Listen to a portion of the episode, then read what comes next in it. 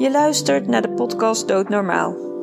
Ik ben Winnie Bos van Doula Wijzer en in deze podcast ga ik in gesprek met professionals die met de dood in aanraking komen en hoor je persoonlijke verhalen over het levenseinde.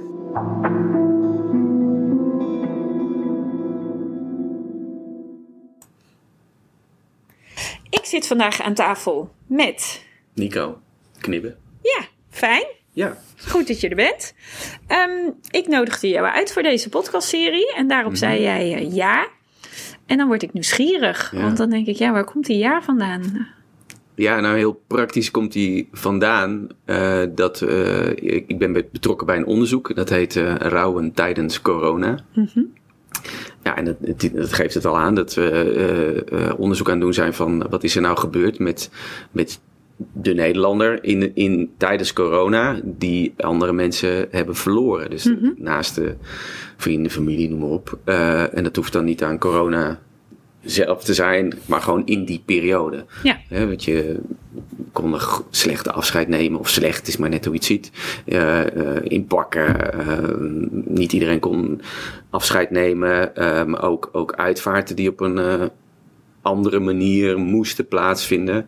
Hè, wat heeft dat gedaan met ons? Daar, eh, daar zijn we onderzoek naar aan het doen. En, eh, en hoe doe je dat onderzoek?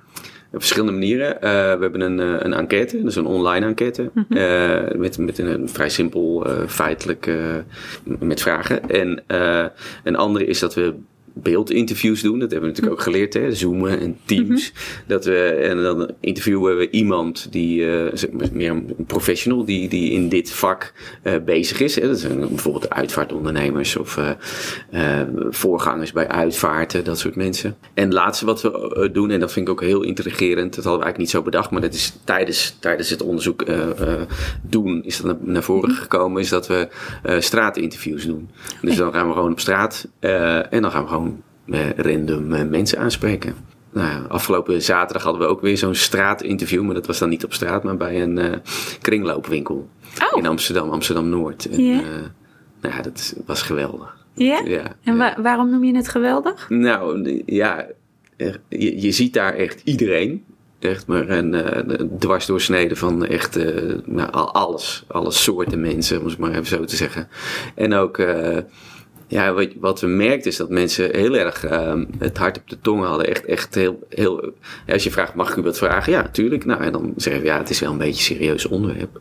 En dan vertel je wat over ging. En dan zeg je, oh ja, geen probleem. En dan, eh, nou ja, dat... eh, Er komt ook heel veel puurheid dan uit eh, eigenlijk. Ja, eerlijkheid en ook, ook ehm, dat mensen ook blij zijn dat ze hun verhaal kunnen vertellen. Gewoon aan zomaar een willekeurig iemand. Eh, merkten we ook, ook heel erg. Dat merk met die straatinterviews. Dat, dat, dat mensen toch gewoon. Ja, een heleboel mensen hebben gewoon eh, nare dingen meegemaakt. In de pandemietijd bedoel je dan Ja, heel specifiek? Ja, ja, ja, ja, ja. En, en, en nare dingen, kun je een voorbeeld geven?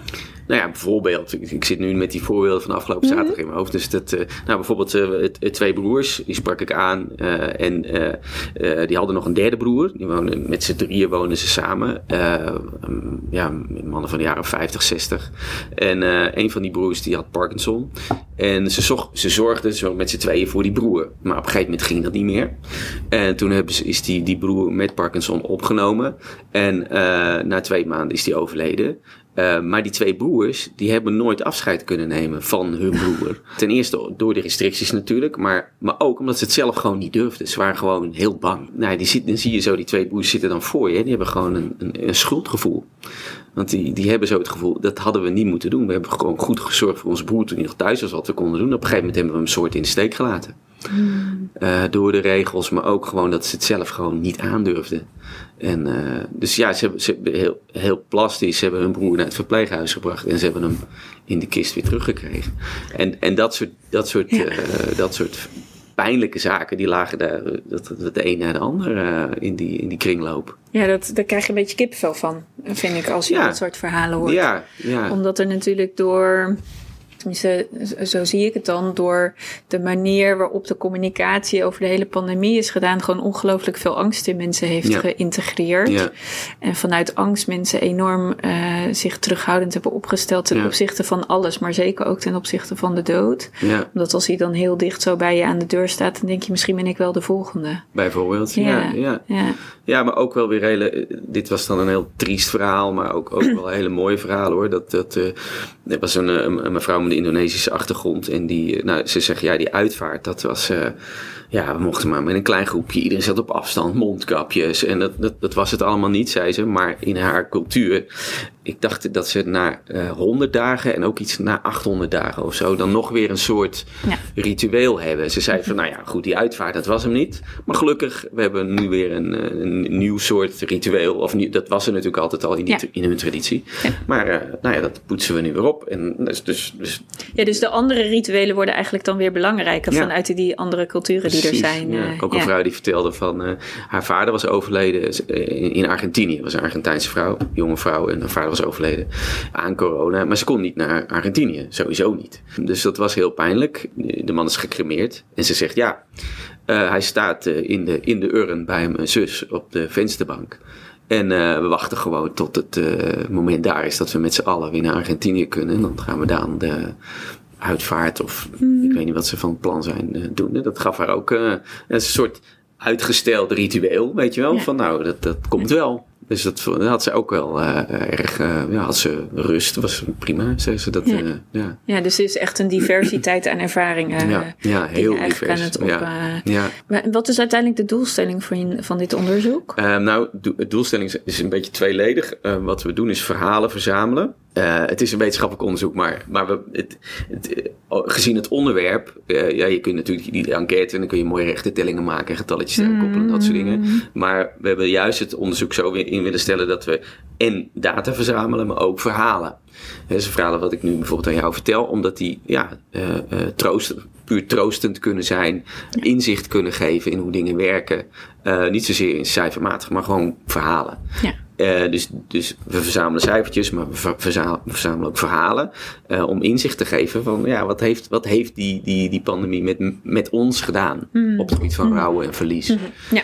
Eh, en ook tips. hè, gewoon heel simpel als we met, met mensen praten van nou, heb je een tip? Ja. Heb je iets waarvan Ja. je zegt nou dat had ik wel moeten doen, dat had ik nooit moeten doen. Dus die dingen die zijn we ook aan het verzamelen. Oké. En eigenlijk, wa- wat je, of tenminste wat ik je eigenlijk hoor zeggen, eh, deel, eh, verhalen geven troost. Omdat mensen daarin hun, zich herkennen. En dat ze daarin mogelijk ook bij zichzelf, eh, als ze een schuldgevoel hebben of een twijfel, of nou ja, wat er dan ook zeg maar nog een beetje zo in, dat, in, in, in die mens zit, van dat, dat wat schuurt, wat niet prettig is. Dat ze in het verhaal kunnen lezen van een ander van, Precies. eh, oh maar ik ben niet de enige. Ja. Er zijn Ja. ook anderen die, nou ja, Ja. op wat voor andere manieren of vergelijkende manieren dat ook hebben ja, meegemaakt. en zeker ook dat schuldgevoel hoor. is ook, een, Ja. ook wel een beetje een rode draad die er doorheen loopt. Ook een, ook een man en die, eh, zijn vader kreeg op een gegeven moment corona. Hij had twee of drie broers. En eh, nou ja, die man was serieus ziek, die, die vader. En ze zijn er met de broers naartoe gegaan. Ja, gewoon om, niet zozeer om afscheid te nemen, want zover was het nog niet. Maar goed, goed gesprek, gewoon gezellig met elkaar. En toen, een paar dagen later, bleek hij dus eh, eh, corona. eh, oh nee, wacht even. Die vader had helemaal geen corona, maar die was gewoon ziek. Ah. Bleek die broer, een van die zoons bleek dus corona te hebben. En die had vervolgens zijn broer en, zijn vader aangestoken. En die vader die overlijdt vervolgens daarna. Snap je? En dus die zit gewoon met een, een schuldgevoel waarvan je zegt, ja, dat, dat is niet nodig. Hè? Dat is totaal Nee, maar, dat, maar ik snap wel waar die vandaan komt. Exact. Ja, ik en, snap en dan helpen verhalen. Weet Ja. je wel, dan kun je Ja. ten eerste kan hij zijn verhaal vertellen. Dat kan al troostend zijn. Maar vervolgens, hè, de andere mensen, dat verhaal wat ik net vertelde over die twee broers. En die, die nu, ja, nooit afscheid hebben durven nemen van hun broer. En daar zich heel schuldig over voelen. Weet je wel, dat, dat, dat kan, dat, of ik wou zeggen dat kan eh, helpend zijn. Maar ik, ik, ik wil het woordje kan eigenlijk weglaten. Dat is Ja, helpend. dat is helpend. Ja. Ja. Ja.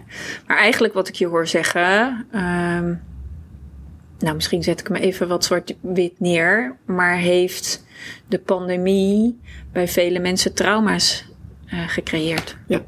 Ja. Ja. ja. ja En best klopt. ook wel pittige trauma's.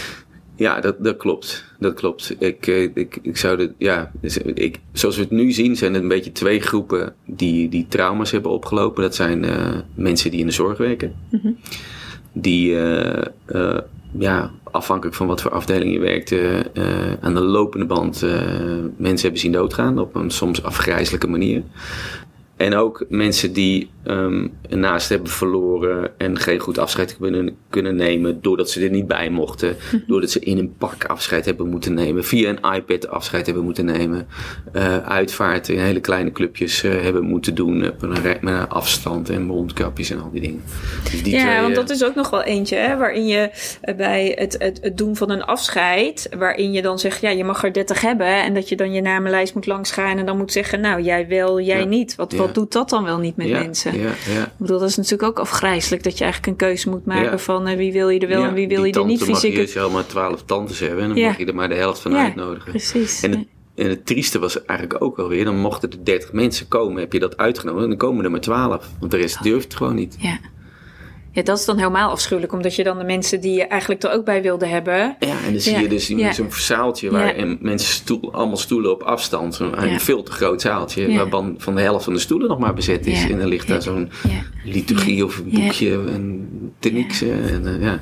Dus het, is allemaal, dus heeft allemaal hele trieste. En, en, maar de, we hebben ook heel vaak verhalen gehoord dat mensen er heel blij mee waren dat het een kleine comité. Uh, ja, dat ze die, die, die last van, uh, die heb ik ook wel gehoord, van dat mensen vinden van ja, als er dan zo'n grote groep aan mensen komt en je bent dan klaar met die uitvaart ja. en uh, hey, je gaat dan naar zo'n koffieruimte ja. en al die handjes die je dan moet schudden en je denkt, jee, maar hoeveel nog, weet je zo.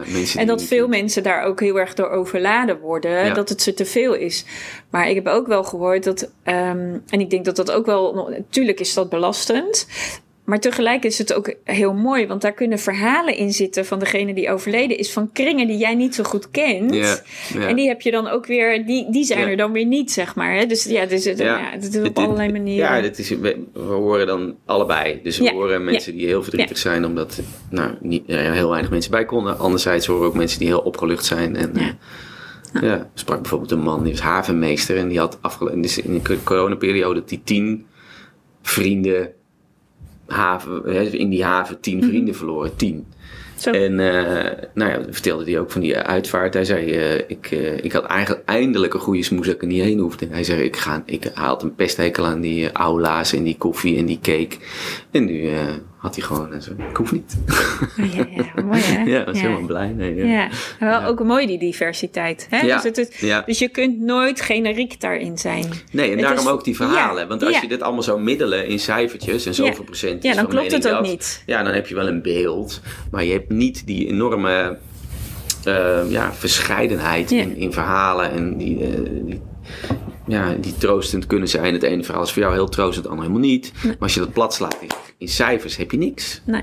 Maar je zegt wel, het is een wetenschappelijk onderzoek. Ja. Vanuit, wel, vanuit welke hoek wordt die dan wetenschappelijk ingestoken? Nou, we zijn met een, met een aantal, dus een meerdere, uh, het is een soort consortium. Universiteit Utrecht doet, uh, doet mee. Uh, en wij dan als uh, bureau, uh, wij, wij, zijn ook onderzoekers, maar wij zijn onderzoekers op een heel ander gebied. Wij houden ons bezig met de gezondheid van verpleegkundigen. Mm-hmm. Maar dan het fysieke stuk. Dus het is mm-hmm. voor ons een beetje van waar zijn we aan het doen. Um, en ook met, een, met een mediabedrijf, Nachtzon Media. En die maken dus zeg maar, die hebben we erbij gevraagd in verband met de creativiteit omdat het, ja, je ziet gewoon hard, harde wetenschap, hij zit een beetje tussen. En creativiteit, dat is, een, ja. dat is het, uh, het project. Ja, mooi. Mooi Ja. ook wel die combinatie. Ja, uh, ja het is heel inspirerend. En ook die diversiteit, dat je en zeg maar de enquête en dan de, de, de beeldopnames Ja. en dan en het straatgedeelte, zeg Ja. maar. En of dat Ja. straatgedeelte dan, dan binnen of buiten is, dat maakt dat natuurlijk niet uit. Je Nee. bent gewoon ergens in de wereld. Ergens, en je spreekt Ergens in de wereld iemand in Nederland. Die, Ja, precies. die, die je ziet. Nee, Dus het is volkomen aanselect. Ja. Ja. Mooi. Hey, en ehm eh, nou is het natuurlijk, je bedoelt, het gaat over rouwen, het gaat over dood. Maar Mhm. wat, wat heb je zelf met dat thema? Ik bedoel, eh, het is nou niet echt een thema die iedereen zo graag eh, bij, de ha- bij Nee. de horens vat, zeg maar. Nee, ja, dat is... Of heb je er helemaal niks mee? Kan ook. Ja, dan, ja wel. ja, ja wat, wat zal ik ervan zeggen? Ehm, ja, ik, ik, ik ben er wel mee uh, door gefascineerd, zeg maar. Mhm, Dus, mhm. dus uh, ik ben ook al heel jong, eh, vroeg in mijn leven geconfronteerd met de dood van, van, mijn, van mijn ouders. Die zijn heel jong overleden. En, hoe ik- is heel jong? Nou, ik was zelf 12 toen mijn moeder overleed en 18, 19 toen mijn vader overleed. Dus ik denk eigenlijk dat het daar vandaan komt. Dat ik daar altijd wel heel erg door eh, gefascineerd is, een beetje een raar woord. Maar door ja. eh, bij, eh, bij eh, Interesse. interesse, ja. Ja, Ja. Ja. Ik, denk dat, ik denk dat het toen eh, gebeurd is. Hey, en kun je iets vertellen over ehm, je ouders? Eh, Ik bedoel, je was 12 en 18, 19, dus dat is best jong. En dan ben je in je tien jaar al je beide ouders verloren. Waren zij ziek? Was het plotseling? Wat Nee, wel, eh, kanker. maar lang, kort proces? Ja, van mijn moeder wel lang, een jaar of vier. En mijn vader veel korter, een paar maanden. Oh, ja. Maar dat is ook wel impact, vier jaar. Dan, ben je, dan was je dus t- acht of zo. Ja, nou zeker. Ja, Ja. ja. ik eh, kan me goed herinneren dat een soort, eh, altijd een soort donkere wolk, zeg maar, over het gezin hing van Ja. ziekte. En, en gaat het wel goed? En eh, nou ja, weet je, zo'n typisch kankerproces van een behandeling en dan gaat het weer mis en dan weer een behandeling. Dan gaat het weer, weet je wel, en dan gaat het weer een beetje beter en uiteindelijk langzamerhand gaat het dan eh, Ja. fout. En, Ja. eh, dus, dus ja, ik denk dat het daarom ook wel. Wat ik me ook wel kan herinneren is misschien wel dat eh, toen mijn vader overleed, toen eh, zat ik echt midden in mijn introductieweek van de universiteit. Oh. Echt, echt gewoon middenin. En toen dacht ik, ja, dat is ook niet lekker gepland. Dan heb ik lekker, eh, weet je wel, heb ik het goed naar mijn zin en krijg je dit, weet je wel.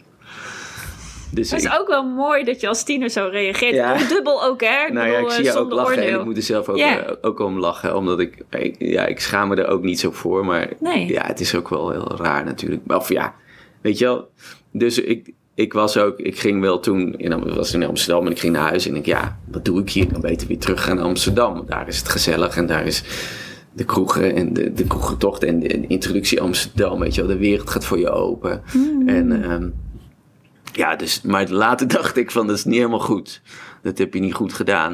En toen ben ik ook bewust naar, eh, naar uitvaarten gegaan van mensen die ik maar half kende en zo. Oh, echt? Ja. Want, ja, dus- wat- waarom had je een oordeel dan voor jezelf? Wat, nou, wat, was dat ik, oordeel ik, ik dacht van, ik had ook iets gehoord of iets gelezen van iemand die zei, ja, dat, als je daar niet goed mee omgaat, dan komt het later als een boemerang in je gezicht Mm. weer terug. Hè? En als je 30 of 40 of 60 bent. Mhm. Dus dat ben ik toen gaan doen. En, eh, dus eh, om, eh, je, je vroeg net van, wat heb je daarmee? Dus ik begin nu zo langzamerhand wat puzzeltjes bij elkaar te vegen. Ja. Ja, dat is er ook eentje. Ja. Ja.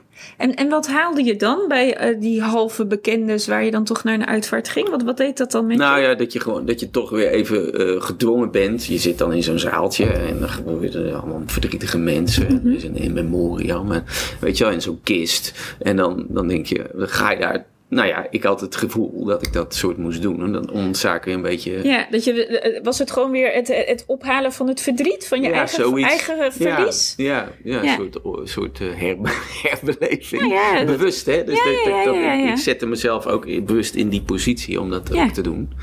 Ja. Ja, want eh, het- toen jouw moeder overleed, was je dus, het begon een beetje dat ze ziek werd, dat ze acht was. Was het een onderwerp dan wat, waarover gesproken werd bij jullie thuis? Ja, ja, dat moest wel natuurlijk. Hè, Ja, ze was nou ja, je kan zeggen moest wel, maar dat is niet Nou altijd weet zo je, vanzelfsprekend. Ze ging natuurlijk allerlei eh, onderzoeken en vaak in het ziekenhuis. Weet je wel, dus dat was praktisch ook. Ja, dat, dat, niet- nou ja, er werd natuurlijk in, ook, ja, niet zozeer over gepraat in de zin van wat doet het met jou en zo, dat soort dingen. Nee. Dat niet, maar het was natuurlijk wel gewoon wel zo dat het, het was er gewoon altijd, het was er altijd. Ja, ja.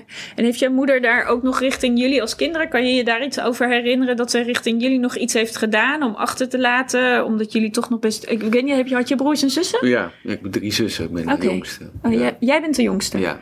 Oh, of, zij, of mijn moeder iets... Ja, of zij nog iets richting, omdat jullie, nou jullie waren dan, hoe oud waren je zussen? De- Ja, al, eh, Allemaal in de tiener- drie, twee, eh, ja, allemaal. eh, Ja, allemaal drie jaar, tieners. twee jaar, ja, Ja. allemaal zo'n beetje zo. Ja, iets, iets een paar jaar ouder dus dan ik. Of zij iets gedaan heeft. Ja, ik, ik weet nog wel dat, dat, en dat was pas veel later, dat, het, dat me dat tot me doordrong, dat zij, dat zij echt wel een keer bewust afscheid heeft genomen van ons eh, aan haar ziekbed.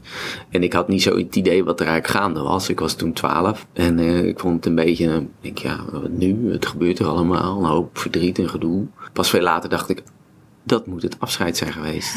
En toen bleef jouw vader over met eh, vier, Kinderen. ja, met vier ja. tieners. Ja, dat is ook best pittig. Dat was het, ja. En hoe hebben jullie dat dan als gezin opgevangen? Ja, hoe heb ik dat opge- opgevangen? Mijn, mijn zussen gingen redelijk snel eh, eh, het huis uit. Eh, ook een beetje misschien wat ik net vertelde ook. Van nou, weg, weg gewoon. Mhm. We komen uit een dorp, Barneveld. En Oh weg gewoon hier. Dus ook in die tijd, als je kon studeren, dan ging je gewoon in ieder geval op een afstand wonen waar je niet, ja, waar je op een kamer moest wonen. Ja. Dat heb ik ook gedaan. Ja. En dat deden mijn zussen eigenlijk ook allemaal. Dus die waren ook vrij, vrij snel weg. Het woord vlucht komt nu, nu in mij op, maar ik weet niet of dat het was. Maar wel gewoon zo van, nou, we zijn er Nou klaar ja, mee. We misschien onbewust, hè? Dat hoeft misschien helemaal Ja. niet zo bewust te zijn kan. geweest. Maar ik kan me ook voorstellen dat uit zo'n... Het is best erg intens, hè? Als je zo jong een ouder verliest. Dat is ook niet niks. Nee. Eh, en zeker niet als gewoon een aantal jaren daarna ook je vader eh, vertrekt. Eh. Want woonde jij doen, dan toen nog thuis toen met jouw vader? En al je zussen waren het huis uit? Ja. We denken, ja, ja. Ja.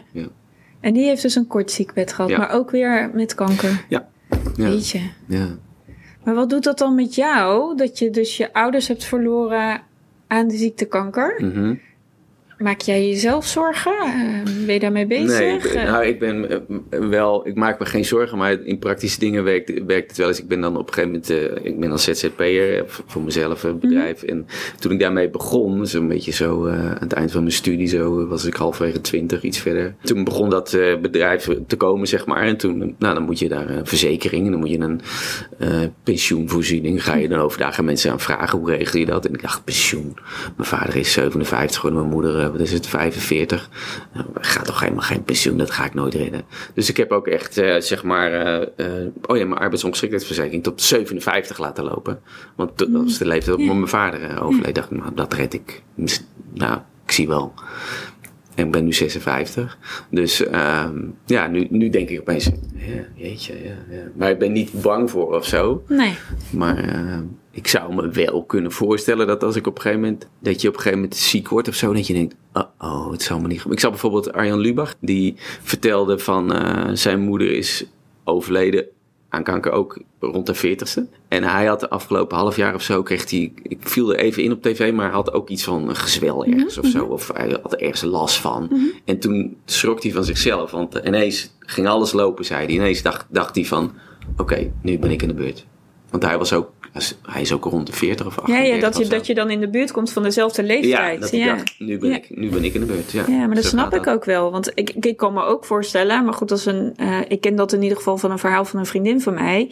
Die heeft ook heel jong haar moeder verloren Mhm. toen zij 16 was. Ja. En toen de leeftijd van haar moeder kwam en zij oversteeg die. Ja, ja, Ja, had zij zoiets van, ja, maar, ja. maar ja, ik, ik word nu ouder dan mijn moeder. Dat was voor haar een heel, eh, hele rare Mhm. Ja. gewaarwording. Ja, ja. Ik weet niet of jij dat ook al toen jij 45 werd in eigenlijk de leeftijd van je daar moeder heb ik dan weer niet oversteeg. zo'n last van. Nee. Of last, nee. Maar ik denk, ik heb het gevoel van mijn vader weer wel. Ja. En waarom Dat- dan van je vader weet ik, wel? dat is, ik was Ja. al bang dat je dat ging vragen. Oh, Ehm, weet ik niet zo goed. ja, nee, ik weet het niet. Of had het te omdat ik- maken met de band die je met je vader had in opzicht? Nou, nee. Misschien omdat ik, mijn vader natuurlijk ook een man is en ik ook. Zoiets misschien, ik weet het niet zo goed. Ja. Of omdat hij het oudste is geworden, ik weet het niet. Nee.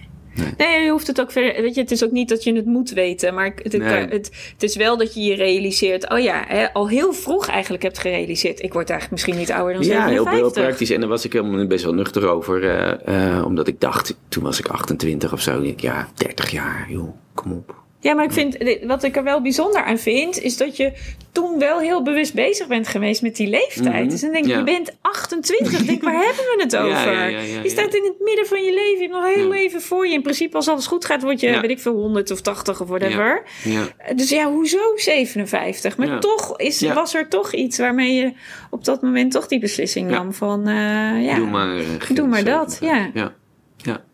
Dus wat ik daar eigenlijk mee wil zeggen is de impact die het heeft als je gewoon overlijdens in je omgeving Mhm. meemaakt.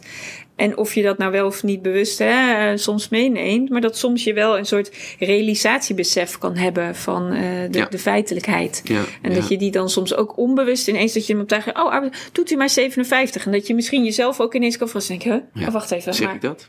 Zei ik dat nou net? ja, weet je, op die manier. ja. Maar ook wel weer Ja. heel mooi dat je, dat Ja. je denkt van, ah ja, maar het zou zomaar kunnen. Ja. En het hoeft ook niet zo te zijn. Nee. Mooi, Ja, ook wel. Maar ik kan me ook voorstellen dat het bijzonder was dat jij alleen nog thuis woonde en je, en je vader overleed. En jouw zussen niet meer. Dat heeft ook waarschijnlijk iets anders iets gemaakt met hoe jij je vader hebt verloren ten opzichte van hoe je zussen Ja, je dat vader hebben verloren. Ja, Of heb je dat niet zo... eh, ja, weet ik niet zo goed. Nee, ik was ook, weet je wel, ik was ook puber Ja. in die tijd. Dus- ja, en eigenlijk dus een beetje die ouders- rebelse die je net schreef van... eh, ik, was in mijn, Ja. ik was in mijn studentenweek en dacht echt... Ja jongens, wat maken jullie me nou? Kom op. Ja, weet je, Ja. dus ik interesseerde me. Een puber interesseert zich vooral natuurlijk voor zichzelf. Ja. In, ja, Ja, ja, was ik ook. En, en, en je ouders, ja, weet je, wel, dat is, dat is echt, kom op, weet je, dat, dat interesseer je gewoon niet zo voor. Nou, helemaal goed toch? dus je bent ook gewoon heerlijk vrolijk door je studie heen gegaan en het was allemaal... Nou ja, nee, in zoverre, ik, ik was me daar wel van, want eh, een van je eerdere vragen van waarom interesseer je voor dit Ja. soort dingen? Dus dat, dat, dat blijft gewoon. Ja, Dus daar blijf ik gewoon mee bezig. ja, En eh, van eh, ook weer zo'n onderzoek. En nou, ik, ik, ik ben ook muzikant, ik schrijf ook liedjes. En daar komt het onderwerp ook altijd weer, of niet altijd, maar regelmatig komt dat weer naar boven. ja. En niet heel expliciet, maar wat je wel denkt, oh ja, oh ja, daar komt het weer. Ja, er komt dan toch weer om de hoek kijken. Omdat er weer woorden naar boven komen die weer eh, verteld moeten worden. Ja. Of die gezongen moeten worden. ja. Ja. Mijn zin. Ja. Ja. ja, klopt. Dus eigenlijk, eh, eh, nou, ik weet niet of het zo is, maar eh, ehm, wat er in mij opkomt, is dat je eigenlijk sinds de tijd dat je je ouders bent verloren, waarschijnlijk misschien onbewust een soort onderzoekende reis met het thema bent gestart. Ja, dat, dat, in het begin dus bewust, hè. Omdat Ja. ik het gevoel Ja, van, omdat je nou, echt naar die is uitvaarten ging. oké, Ja, weet je wel. Dus en, en nu veel meer onbewust en, en, en eh, ja. Ja, Ja, ook, maar ook weer. Ik ben bijvoorbeeld ook. Ik heb een opleiding gedaan om uitvaarten te mogen eh, leiden. Ja. Dat heb ik gedaan. Dus, dat is bedoel je dan ritueel, ritueel begeleider? Ja, ja, ja, ja, Maar dan ook, ook- ik ben dan katholiek en dat is ook, ook echt namens het bisdom. Mm-hmm. Dus ehm, eh, dat doe je natuurlijk ook niet zomaar. Dat, weet je wel, dat, en dus, dus eh, toen ik die, met die opleiding begon, toen eh, vroegen mensen ook aan me, waarom wil je dit? Precies hetzelfde, wat heb jij met dit thema? Ja, nou, dan komt het verhaal weer. Ja. Dus dat, ja, dat, dat blijft er gewoon in zitten. Dat, dat En wat heeft die opleiding je dan gegeven? Want je doet die opleiding dan heel bewust. Je maakt daar een keuze voor om dat te gaan doen. Ja, Voer je het ook uit, het werk? doe, je, doe je dat ook met Mhm. ja, ja. Wat, wat, wat geeft het je om het te doen?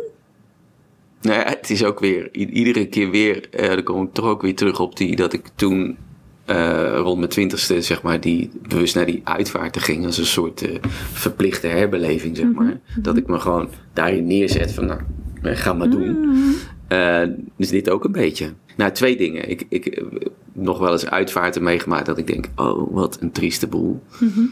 Wat een armetierige boel eigenlijk. Dat ik zoiets had van, nou, ik zou graag me inzetten om, om dat, ja, beter te doen. Voor zover Ja. het in mijn mogelijkheid ligt. Dus dat. Ja, ja. Maar, maar, dus, maar ook eh, eh, ja, om, om, om, om nabestaanden te helpen. Om, om, om zo goed mogelijk vorm te geven aan het afscheid. En eh, stiekem, mijn verborgen agenda, om mezelf ook weer eh,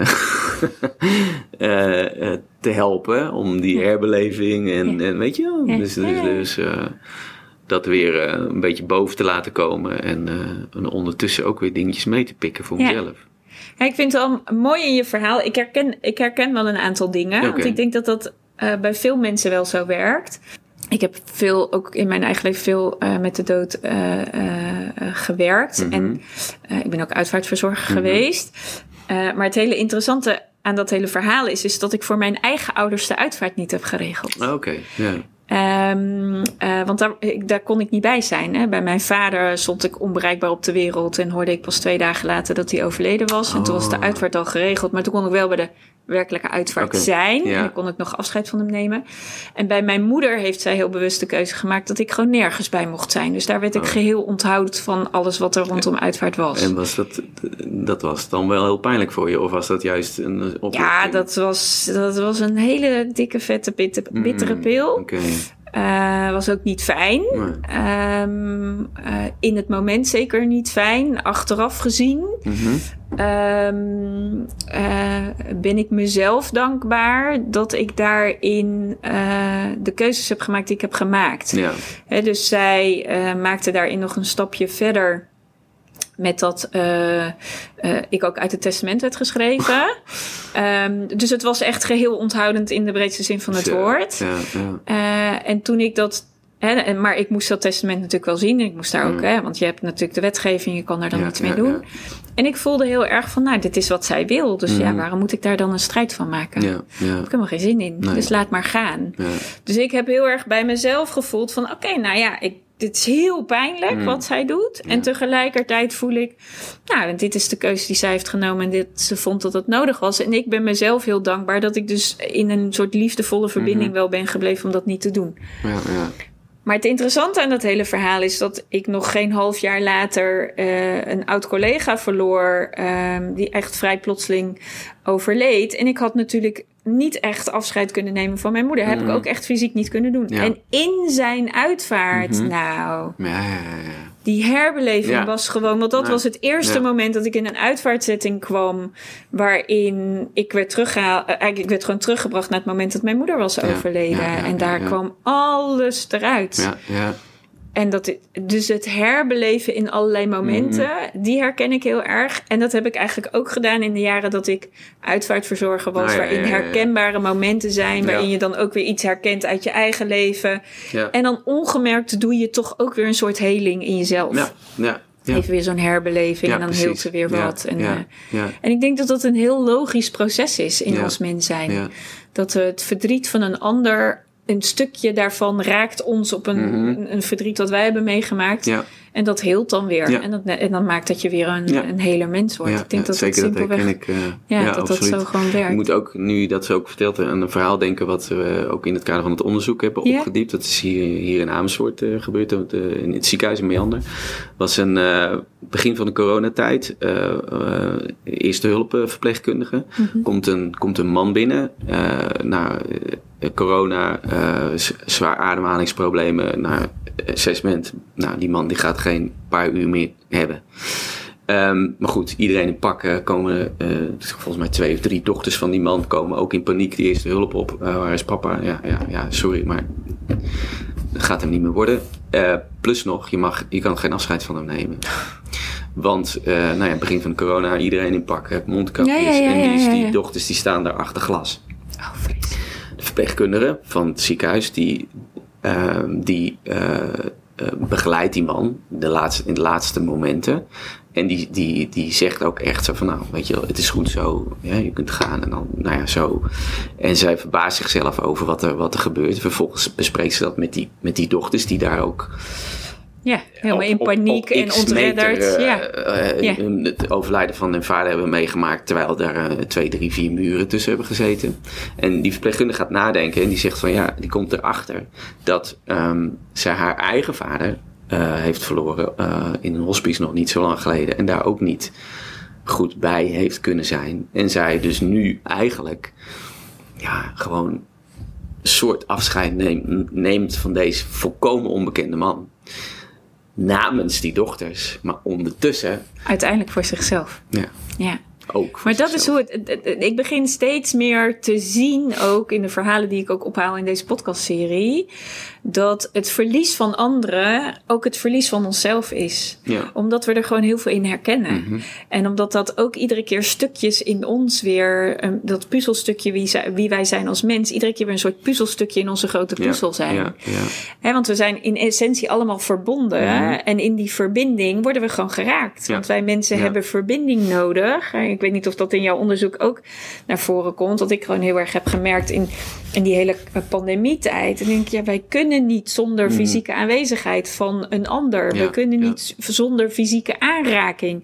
Want als je die ander niet kan vasthouden, al is het maar even een hand. Mhm. Ik bedoel, dat is zo essentieel. Ja, ja. Maar ja, we leggen gewoon met alles en iedereen die we in, waar we mee in contact komen, leggen we onze puzzel gewoon weer volledig neer. Ja, ja, En daar zitten soms, ja, dan inderdaad dat je denkt, het is een wild vreemde, zoals die verpleegkundige, maar eigenlijk toch ook weer niet. Ja, en zij, zij het was natuurlijk haar werk, dus zij werd gewoon geconfronteerd met de situatie. Hmm. Maar um, voor jou en voor mij geldt dan, het is niet onze, ja, ja het is niet, in ieder geval bij mij is het niet mijn werk om, uh, zeg maar, uh, dit soort situaties op te zoeken, bewust. Maar doordat ik dan, zeg maar, die, die, die dingen doe, hè, bijvoorbeeld zo'n onderzoek of mm. uitvaart, en dat, dan plaats ik mezelf min of meer bewust wel in die situatie. Ja, precies. Dus Ja. dat, eh, ja. Ja. Ja, en zo komen er dan toch ook weer van die misschien onbewuste puzzelstukjes in jou toch weer op tafel. Ja, precies. en wordt de puzzel toch weer gelegd. Ja, ja, ja. En nou zei je al dat je ook muziek maakt. Mhm. En dat in de muziek dus ook wel eens de woorden van eh, rondom het thema sterven en dergelijke naar Ja. voren komt. ja. Wat, wat, voor muziek creëer je? Het is uh, Nederlandstalige pop, popmuziek. En dat doe je in je eentje of heb je maar ik een groep in een band? Ja? ja. En hoe heet de band? No Buts. Ja, het is, het is een beetje een rare naam. Maar hij is Waar staat het voor? Ja, eh, gewoon op zijn Engels. N-O-B-U-T-S. Geen gemaar. Dat is het Oh, een, het is, we zijn ooit, en dan heb ik het wel over nou, 25, 30 jaar geleden begonnen in Engelstalig. Dus dat was toen wel een stoere naam. Hey, en als je dan die muziek maakt en je zegt, eh, je, je doet ook ritueel begeleiding van uitvaarten. eh, zi- Zingen jullie dan ook wel eens bij uitvaarten? Nee. Jullie maken Nee. echt gewoon muziek voor, de, voor, de, voor het plezier.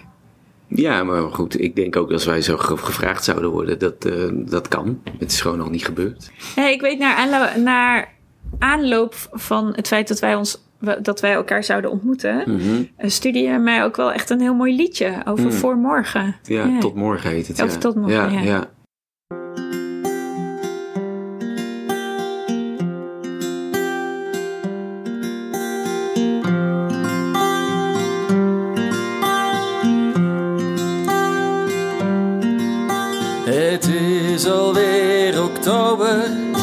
Had elke maand kunnen zijn. De regen en het lage licht, het eind van dit Latijn.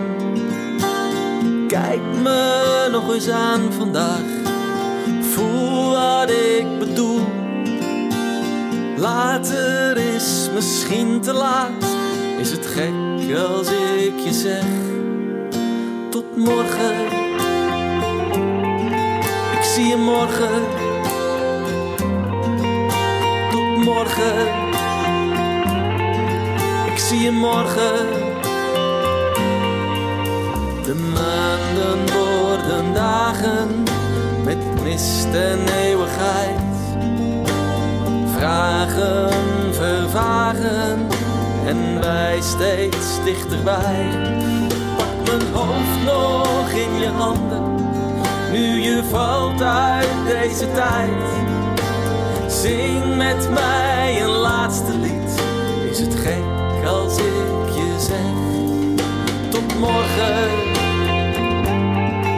Ik zie je morgen. Tot morgen. Ik zie je morgen. Kan ik nog iets voor je doen vannacht? Wat water, een zoen of een warme hand? Nu alles is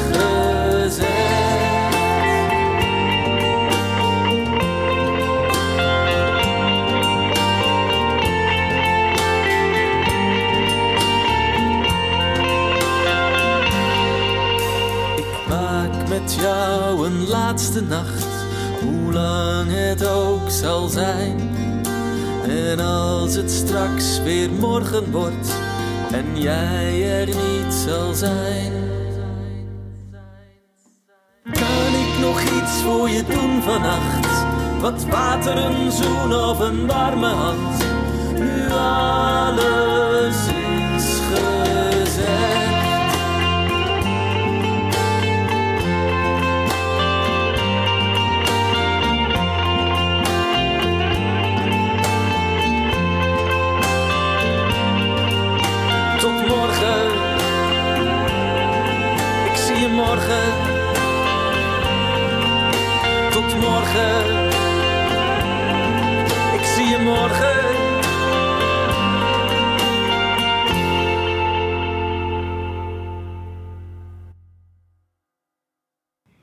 Ja, dat, dat geschreven naar aanleiding van. ehm, was wel een hele speciale, heel, heel speciaal moment. We hebben, ik ben dan eh, katholiek en we hebben dan eh, rondom eh, alle zielen, alle heilige alle zielen, is 1, 2 november, hebben we altijd de herdenking van de doden.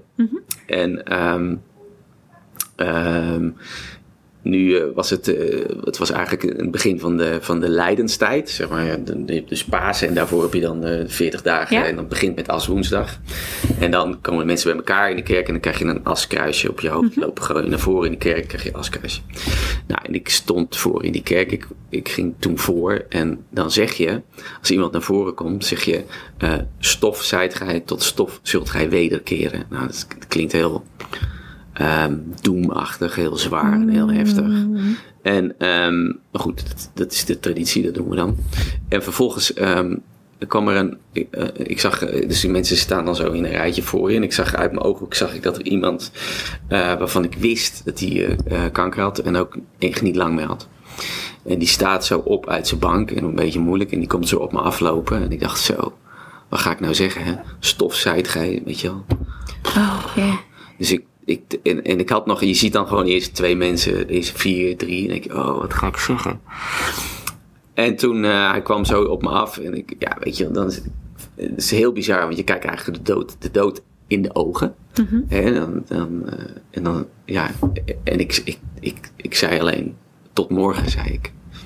Dat was wat er gewoon in me opkwam. Ik zei, tot morgen. En, eh, nou ja, goed, daar gaat dat liedje. Dat is, en, en dat is dan zo'n moment dat ik denk, oh, wauw. Of ja, wauw, heftig. En nou ja, dat, dat sla ik dan op in mijn, eh, in, Ja. in mijn lijf. En, Op een gegeven moment komt dat in een liedje, komt dat er dan uit. Ja, ja, ja. Ja, ja. ja, bijzonder hè? hoe we dan reageren als we ineens de dood in de ogen kijken. Ja, ja. Ja, dat je soms gewoon een beetje sprakeloos kan zijn. Of dat er soms iets uitkomt dat je denkt, huh? Zeg ik dat? Ja. Ja. nou ja, precies zo was het eigenlijk. Zeg ik dat? Ja. Weet je, want wat het, ja, eh, zeker in de traditie van de kerk is dat natuurlijk, je, je hoort iets anders te zeggen, zeg maar. Maar goed, ja, Ja. dat eh, kwam op dat moment eh, totaal niet te pas. Nee, Nee. nee. Dus, dus dat is eigenlijk ook wel mooi, hè? Eh, of tenminste, ja, mooi, is dat het goede woord?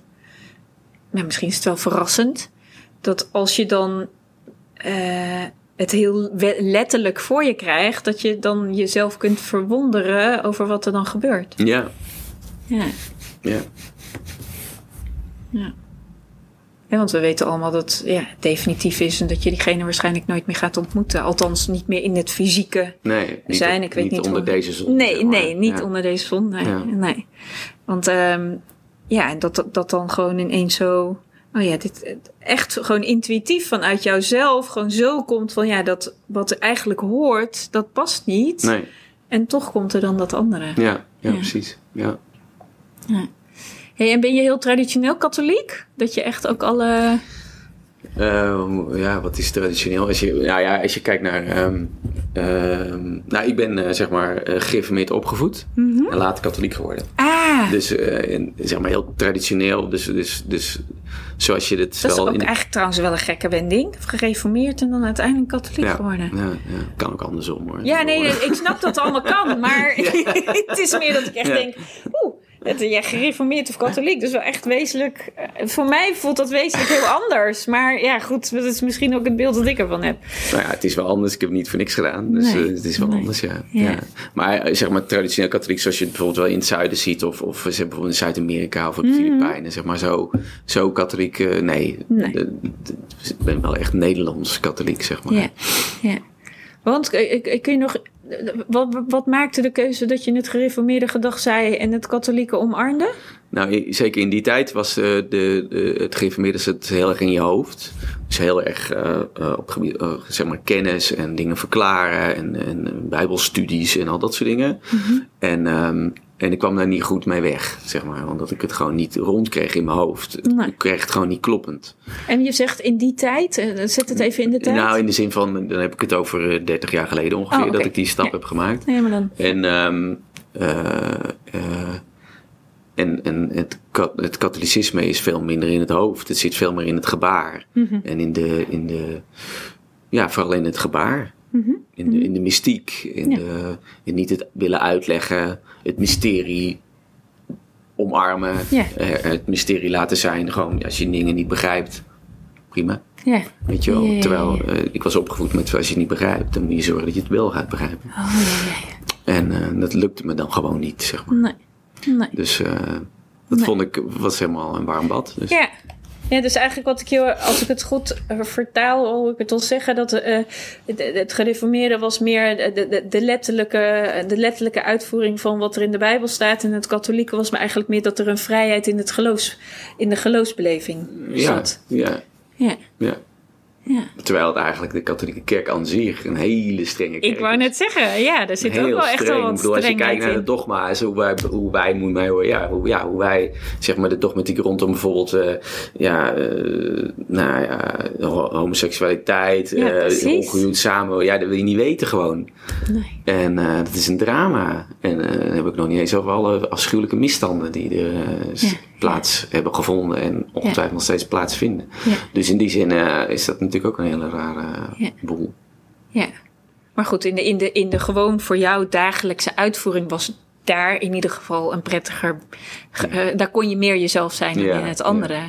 Maar ook wel mooi dat je daarin dan je eigen keuzes hebt gemaakt. Want als jij zegt 30 jaar geleden en je bent nu 56, was het, dan was je Mhm. ergens in, je twin, in, Ja, in de 20 ja, jaar. Ja, ja. Ik bedoel, hoe vaak doen mensen dat, hè? Ja. Dat ze wisselen van, eh, van geloof. eh, Ja.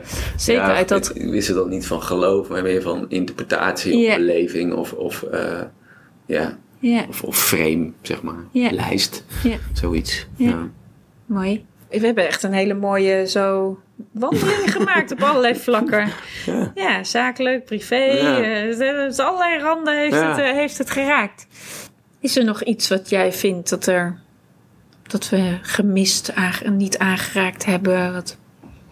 Geen idee, ik weet het niet. Nee, ik weet niet zo goed. Ehm, Of iets uit het onderzoek of zo, wat je, wat je nu ziet. Want ho- hoe lang loopt het onderzoek nog? Dat is misschien... Ehm, nou ja, in principe moeten we in het voorjaar ergens eh, eh, definitieve rapportages en zo doen. Oké, dus, dan- het dan onderzoek loopt nu nog Ja, steeds? we zijn nog steeds bezig met dataverzameling Ja. en de interpretatie van, Ja. van data. En, Ja. en, eh, En jullie zijn ook nog steeds op zoek naar mensen die eventueel vanuit beroep, professie of zo ja, geïnterviewd willen worden. Ja, ja, En jullie gaan ook nog steeds de straat op om mensen te interviewen en je data te verzamelen. ja, dus. ja, ja, ja, dat, dat En, en hoe kies je die plekken dan uit waar je dan heen gaat? Nou, het was eerst gewoon een, een, het eerste probeersel. Eh, toen hebben we gewoon zomaar eerst eens in Barneveld dachten we, nou, daar kom ik vandaan. Daar ken ik ook mensen, dus laten we eerst maar eens het makkelijker gewoon op straat, winkelstraat. Ja. Barneveld.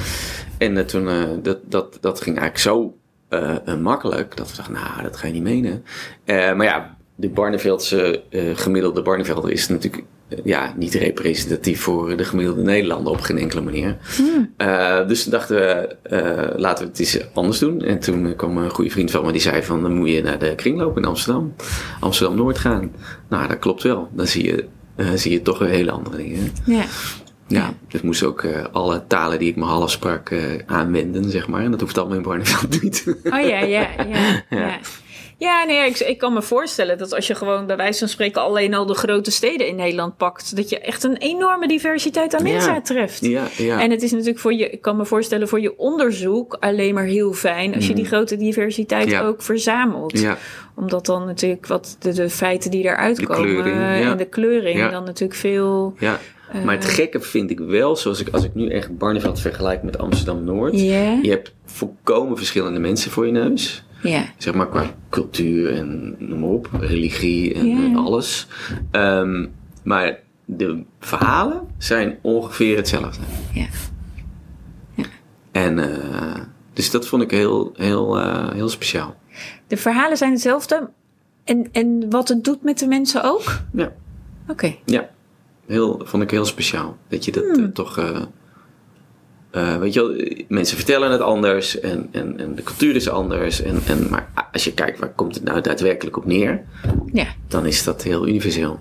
oké. Ja. Dat is wel interessant eigenlijk. Ja. Als je kijkt naar de grote die culturele diversiteit die er eigenlijk in Nederland is aan Mhm. Ja. mensen. Dat dan toch vanuit al die verschillende eh, invalshoeken er toch echt een soort van rode lijn is. ja, Boeiend. ja. Ja, interessant. Ja, vond ik heel, eh, heel, heel speciaal. Als je Ja. ook ziet van eh, hoe mensen dan met het, met het afscheid nemen omgaan. Dat, dat iedereen, of je nou hè, in Barneveld, of je nou eh, Ja. zwaar gereformeerd bent, of je bent van Surinaamse, hoe heet die dat? eh, Creole of zo? Winties? Winti, Ja, weet je wel, daar met geesten en alles, dat mevrouw dat vertelde.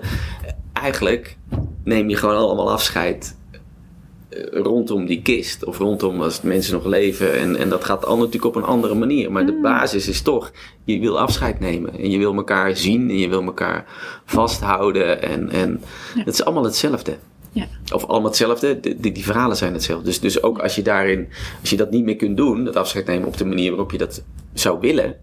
En dat is natuurlijk anders, hè? Of je dat op een Surinaamse manier doet of een zwaar geïnformeerde manier, dat is anders. Maar je wil afscheid nemen. Ja. Er is altijd een essentiële behoefte van afscheid Ja, nemen in de mens. exact. Die is er gewoon hoe dan ook, Of wanneer nou ook, wat eh, dan ook. Precies. Paramaribo komt, gewoon- of ja, uit Barneveld, geen- Staphorst. Ja, je, wil, gewoon afscheid, nemen. nemen. En als je daarin beperkt wordt door regels of door mondkapjes of door eh, pakken of door eh, IC-opnames, dan is dat altijd beperkend en, en, en niet oké voor, je, voor, je, Ja. voor je afscheid nemen. Ja. Ja, ja, dat kan ik wel volgen. Hey, als dan straks volgend jaar, net voorjaar, dat onderzoek is afgerond, Mhm. wat gaat er dan mee gebeuren? Ehm, nou ja, sowieso natuurlijk eh, zeg maar wetenschappelijke publicaties. Om, om ja, op wetenschappelijke manier te kijken van nou, wat, wat, wat heeft nou dit gedaan met onze samenleving? Wat kunnen we ervan leren? Eh, maar ook ehm, ja, eh, wat meer populair wetenschappelijke dingen. Dus arti- meer artikelen van nou, bijvoorbeeld nou ja, zo'n podcast als dit is Ja. natuurlijk ook een resultaat.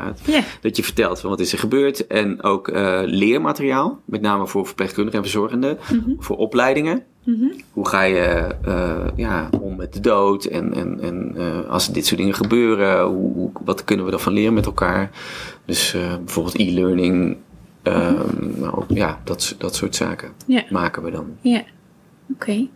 En, is het, en waarschijnlijk is het ook nog afhankelijk van het uiteindelijke eindresultaat, wat er dan allemaal voor vervolg uitkomt, kan ik me zo voorstellen. Want jullie zitten er natuurlijk nog middenin. Ja, ja maar de, de, de vorm, zeg maar. Ja. Dus, dus eh, er is ook een website waar we uh, www.rouwentijdenscorona.nl Ja. Daar staan al die dingen al, eh, wat we tot nu toe Ah, hebben ja. verzameld, kun je daarop op. vinden. Ja. En eh, Dus als mensen verhalen zoeken omdat ze ergens in vastlopen, of niet, nou, kun je natuurlijk deze podcast luisteren. ja, ja. Maar als je niet van het luisteren bent, dan kun je ook nog lezen. Je en dan is jullie kijken, website daar ja. ook nog een hele mooie, precies. een mooi middel voor. Ja, en daar eh, vind je dan ook, eh, als mensen nog weer mee willen doen, een vragenlijst in, willen invullen, of wat dan ook, kun je ook veel op die Ja. website kun je dat vinden. Oké, Ja. nou super.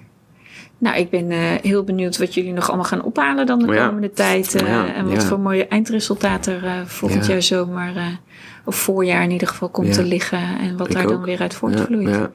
Ik denk in ieder geval een hele mooie invalshoek om ja, hiermee op reis te zijn en het aandacht te geven en het niet zomaar voorbij te laten gaan. Ja. Eh, Nou ja, dat, dat is het ook. Die gesprekken hadden we ook. Dat, dat mensen zeggen van ja, hebben we nou, gaan we hier nou echt van leren van deze periode? nee, Jij zegt van niet. nee. Nee, ja, ik, ik, ik denk wel eh, eh, wat, zeg maar. Ja. Dus eh, ik heb altijd, of altijd met heel veel dingen heb ik altijd een soort 80-20 regel Ja, in mijn hoofd, weet je wel. Van, Ja. ik ben 80% met je eens. Dat Ja. gaat gewoon weer zoals we bezig zijn. Ik merk het ook zelf, weet je wel. Je hebt natuurlijk een jaar bijna nergens naartoe gekund. Nee. En nu, voor je het weet, ben je weer overal en heb je weer allerlei afspraken. En, en, Ja. dus en ik dat, kan ook wel onderbouwen waarom ik nee zeg. Oké, Want mensen veranderen vinden we het meest ingewikkelde wat er Mhm.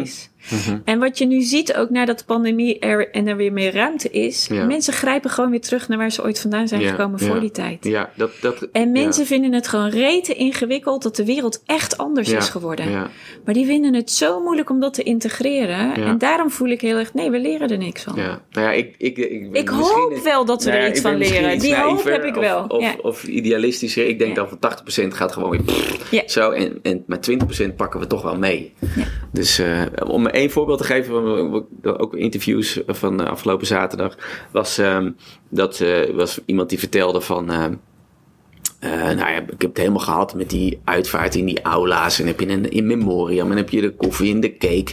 En, en dus da- dacht ik zelf, ja, maar dat is toch niks nieuws. Ik bedoel, daar zijn we toch al jaren zat. En mijn collega bij me wilde deze evalueren. Ik zeg, ja, dat zeggen ze steeds. Maar joh, bedoel, dat hebben we toch al lang gehad. Daar zijn we toch al lang weer nieuwe vormen voor. Ja, hij is ook zoiets ja, ja, ik denk het ook eigenlijk wel. Ik bedoel, ik snap niet waarom ze dat steeds zeggen. Vervolgens hadden we een interview met een, uh, iemand die werkt in, in een verpleeghuis in Amsterdam. En toen vertelde, hadden we het daar ook weer over. Dus ik zei, ja, maar realiseer je alsjeblieft wel. Jij bent een blanke, hoogopgeleide man. En je collega idem dito. Voor jullie is het makkelijk. Jullie hebben de, de mogelijkheden, de resources om, om een creatieve uitvaart te bedenken. Van mij in het bos. En je kent mensen en je hebt het budget en al die dingen. Maar de mensen waar ik mee spreek in binnenstad Amsterdam, die worden geconfronteerd met een overlijden. En dan komt er een overlijdensondernemer, hoe noem je dat, uitvaartondernemer, die zegt: Oh mevrouw, we gaan het helemaal voor u regelen. Hier is een mooie, maken een mooie kist. En kunt u hem in memoriam schrijven? Of anders doen wij dat voor u. En we, gaan, we hebben een zaaltje en een half uur dit en dan, en dan koffie. En weet je, dan is het helemaal voor elkaar. En dan zitten mensen: Oh ja, ja, ja. Maar ze zijn er totaal niet, weet je wel. Die uitvaartcultuur is, die, die, dat blijft zich maar herhalen toch nog steeds. En, uh, en dat is, uh, een, uh, was voor mij ook wel een eye-opener. Dat ik denk van ja, weet je wel, we moeten nu, we hebben nu zo'n klats van onze harsjes gekregen. we moeten dit nu wel doorpakken. En niet alleen voor de mensen die de, die, die, die de mogelijkheden hebben, het budget en de resources en dat soort dingen. Ja. Maar, uh, ik vind het heel mooi dat je dat zegt. Want eh, weet je, ik kom uit de uitvaartwereld. En ik was altijd degene die het anders deed. En ik mhm. werd voor gek versleten door mijn collega's. Ja, ja, Winnie, die uitvaarten van jou, die zijn nooit hetzelfde. Ik zeg, nee, gek hè? Vandaag zit ik bij Piet, morgen zit ik bij Klaas. Ja, ja. Ho hoezo kunnen die mhm. hetzelfde zijn? ik heb toch gewoon met totaal andere mensen te maken. Ja, ja, ja. En dit is voor mij de motivatie geweest om. Uh, nou ja, goed, als deze podcast uitkomt, dan is het congresfestival Nieuw Bakje Troost alweer voorbij. Mm maar uh, in het weekend van 30 en 31 oktober heeft er een congresfestival plaatsgevonden. En uh, daarin, uh, met de ondertitel van oude tradities naar nieuwe rituelen. Mm, okay. Omdat ik gewoon heel erg zie, er is een wil bij de mens om, om het op een andere manier in te vullen. Ja. Die veel meer eigen is, die ja. veel meer passend is bij of hunzelf of degene die overleden is. En we vinden het rete moeilijk om te vinden wat er allemaal mogelijk is. Ja. En uh, ik heb me gebundeld met drie andere ondernemers om dat zichtbaarheid te geven. Okay, super. Uh, ja. En als deze podcast live is, is het congresfestival voorbij. Mm -hmm. Maar mhm. getroost, volgend jaar gaan we hem weer creëren. okay. Dus uh, wij ja. willen daar echt een, een jaarlijks terugkerend gebeuren van dat maken. Mooi. Omdat we het ja. ongelooflijk belangrijk vinden om de Nederlander, hè, en het maakt ons echt niet uit uit welke cultuur je komt, nee. maar om de Nederlander te informeren. Er is zoveel meer dan die tas van de uitvaartverzorger. En je hoeft echt niet de uitvaartverzorger te volgen die je nee. aan tafel is. En zint het je niet wie je aan tafel hebt, dan zeg je, kun je een collega sturen. Want ook dat durven we niet in Nederland. en dat mag ook. Weet je, als je geen klik hebt, mm -hmm. Ga voor wat wel klikt. En, uh, en wees daar gewoon altijd trouw aan om jezelf daarin te volgen. Maar ik vond dus die, die, helemaal mee eens met wat je zegt. Nou, ik vond die, die eye was voor mij echt een eye-opener van die mevrouw uit dat verplegers die dat tegen mij zei. Van ja, jij hebt makkelijk praten. Ja, Weet je wel, jij bent uh, ja. en blank en uh, hoog opgeleid en al die dingen. En je, hebt, en je hebt het geld en je hebt misschien de, de communicatie, communicatieve vaardigheden om tegen een ondernemer te zeggen dat van dat wil ik niet. Nee, klopt. Maar de mensen, zegt de mensen met wie ik werk, die hebben dat allemaal niet. Nee. Dus, dus dat is denk ik ook een belangrijke uitdaging om, om te kijken van, uh, en ik hoop dat jij daar iets kan, in kunt betekenen met jouw initiatieven, ja. om, om ook die groep te helpen en, ze, en, en om op een of andere manier uh, ze ja. uh, nou ja, dit is een van mijn drijfveren uh, hè, waarom ik mijn missie heb gemaakt tot het levenseinde dood normaal maken. Mm -hmm. Ik mhm. wil gewoon um, een beetje met iedereen het gesprek daarover mm -hmm. aan. Het kan me niet schelen waar je vandaan komt. Ja, ja. Het gaat erom dat je je bewust wordt over het feit dat je altijd zelf een keuze hebt mm -hmm. als het gaat rondom de dood. Ja, en zeker als het gaat om een uitvaart. En dat je je echt niet hoeft laat, te laten leiden. En dan snap ik dat als je misschien wat minder mondiger bent, dat dat een stuk lastiger is. Maar dan nog geloof ik altijd in mogelijkheden. Ja, ja, ja, ja, ja. En dat er ja. altijd wegen zijn. Maar ik, ik zie ook en ik ken ook uit eigen ervaring hoe ongelooflijk dominant het soms vanuit mm. de uitvaartwereld aangedragen kan ja. worden. En wat wij nu aan, het doen zijn, uh, is een soort. Uh, in de, in de parochie, in het bisdom, is een soort uh, informatiebrochure, zeg maar. En dan mensen allemaal sturen. Ja. Want we worden, in onze kerk wordt iedereen hartstikke, is iedereen, de gemiddelde leeftijd is echt heel hoog. Dus yeah. er staan er gewoon lomp gezegd heel veel mensen op de nominatie. Dat je gewoon nu al nadenkt. Ja, in plaats van dat, dat je zegt van dat je opschrijft en denkt van nou ik zou dit mooi vinden en dat. En dat je gaat oriënteren van kan dat, mag dat, uh, weet ik het wat. Maar dat is ook echt mijn uitnodiging hè, met mijn missie. Ga er alvast over nadenken. Echt, ga er Ja. alvast over nadenken. En dat betekent niet als je er nu al over nadenkt dat je morgen dood bent. Want dat Nee, nee, denken nee, vaak dan nee, mensen. nee, hè? Want ja. als, ik die dood, als ik dan met die dood bezig ben, dan nodig ik hem uit. Nee, het is juist dat je, doordat je dat doet, ga je heel bewust in je leven staan. Ook, en ja. dan kan je, Ja. dat kan ook je leven ongelooflijk verrijken. Ja, ja, ja. En dan denk ik, zeker ook omdat je mensen om je heen hebt die je achterlaat. Daar doe je het ook vooral voor. Je doet Mhm. Ja. het niet alleen voor jezelf, maar je doet het ook voor de naasten om Ja. je heen. En dat Ja. is gewoon super waardevol. Dus hoe meer dat kan en hoe meer dat gebeurt, alleen maar goed is prachtig wat jullie dan in het bisdom doen. Mhm. Dan, dat, om- daarin dan het contact aan te gaan. Ik denk dat dat gewoon echt wel nodig is om mensen een beetje te triggeren en een beetje ja, te, te motiveren van ja, kom maar. Weet je, kom maar. Precies. Ja, Ja. ja, ja, ja. Ja. Nou, lijkt me een mooie afronding. Ja, denk het ook. Dank je wel Dank voor jou je wel. Dank je wel. uitgebreide, diverse invalshoeken. Ja. Vanuit eh, zowel wetenschappelijk, persoonlijk. Nou ja, noem het allemaal maar op wat we hebben aangeraakt. Ja. Dus dank. Jij ook, dank. Ja, dank. graag gedaan. Mooi. We zagen het eens aan. De dagen spoelen langzaam aan. Kom naast me staan. Waarheen het ook zal gaan. De tijd lijkt langzaam stil te staan. Onaangedaan. We weten niks, we dwalen wat. De dag gaat stil voorbij. Vol ijdelheid en tobberij. Voor alles is een tijd.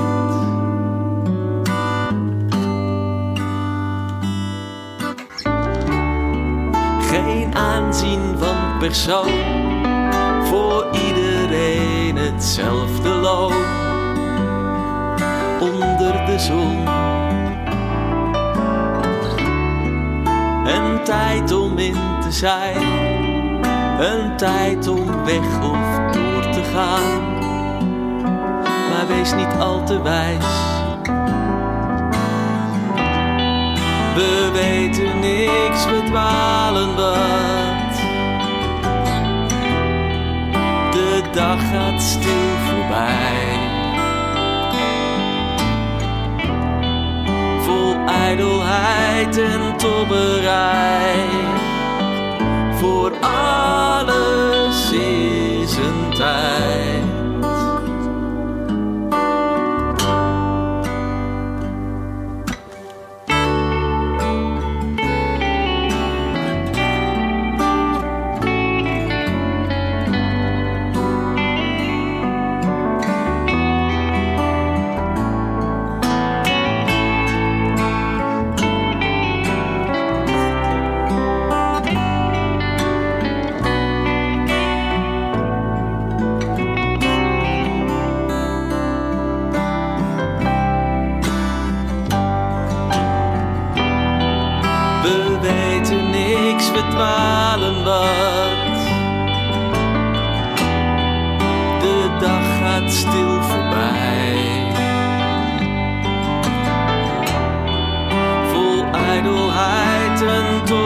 Tobberij. Voor alles is een tijd.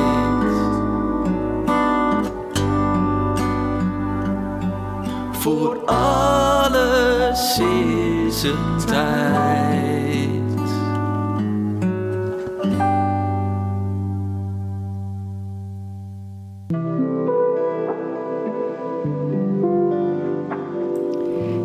Geluisterd naar de podcast Doodnormaal. Mijn missie is om het levenseinde doodnormaal te maken. Iedere vrijdag staat er een nieuwe podcast voor je klaar. Volgende week spreek ik met Madeleine Wulf over de rouwclown.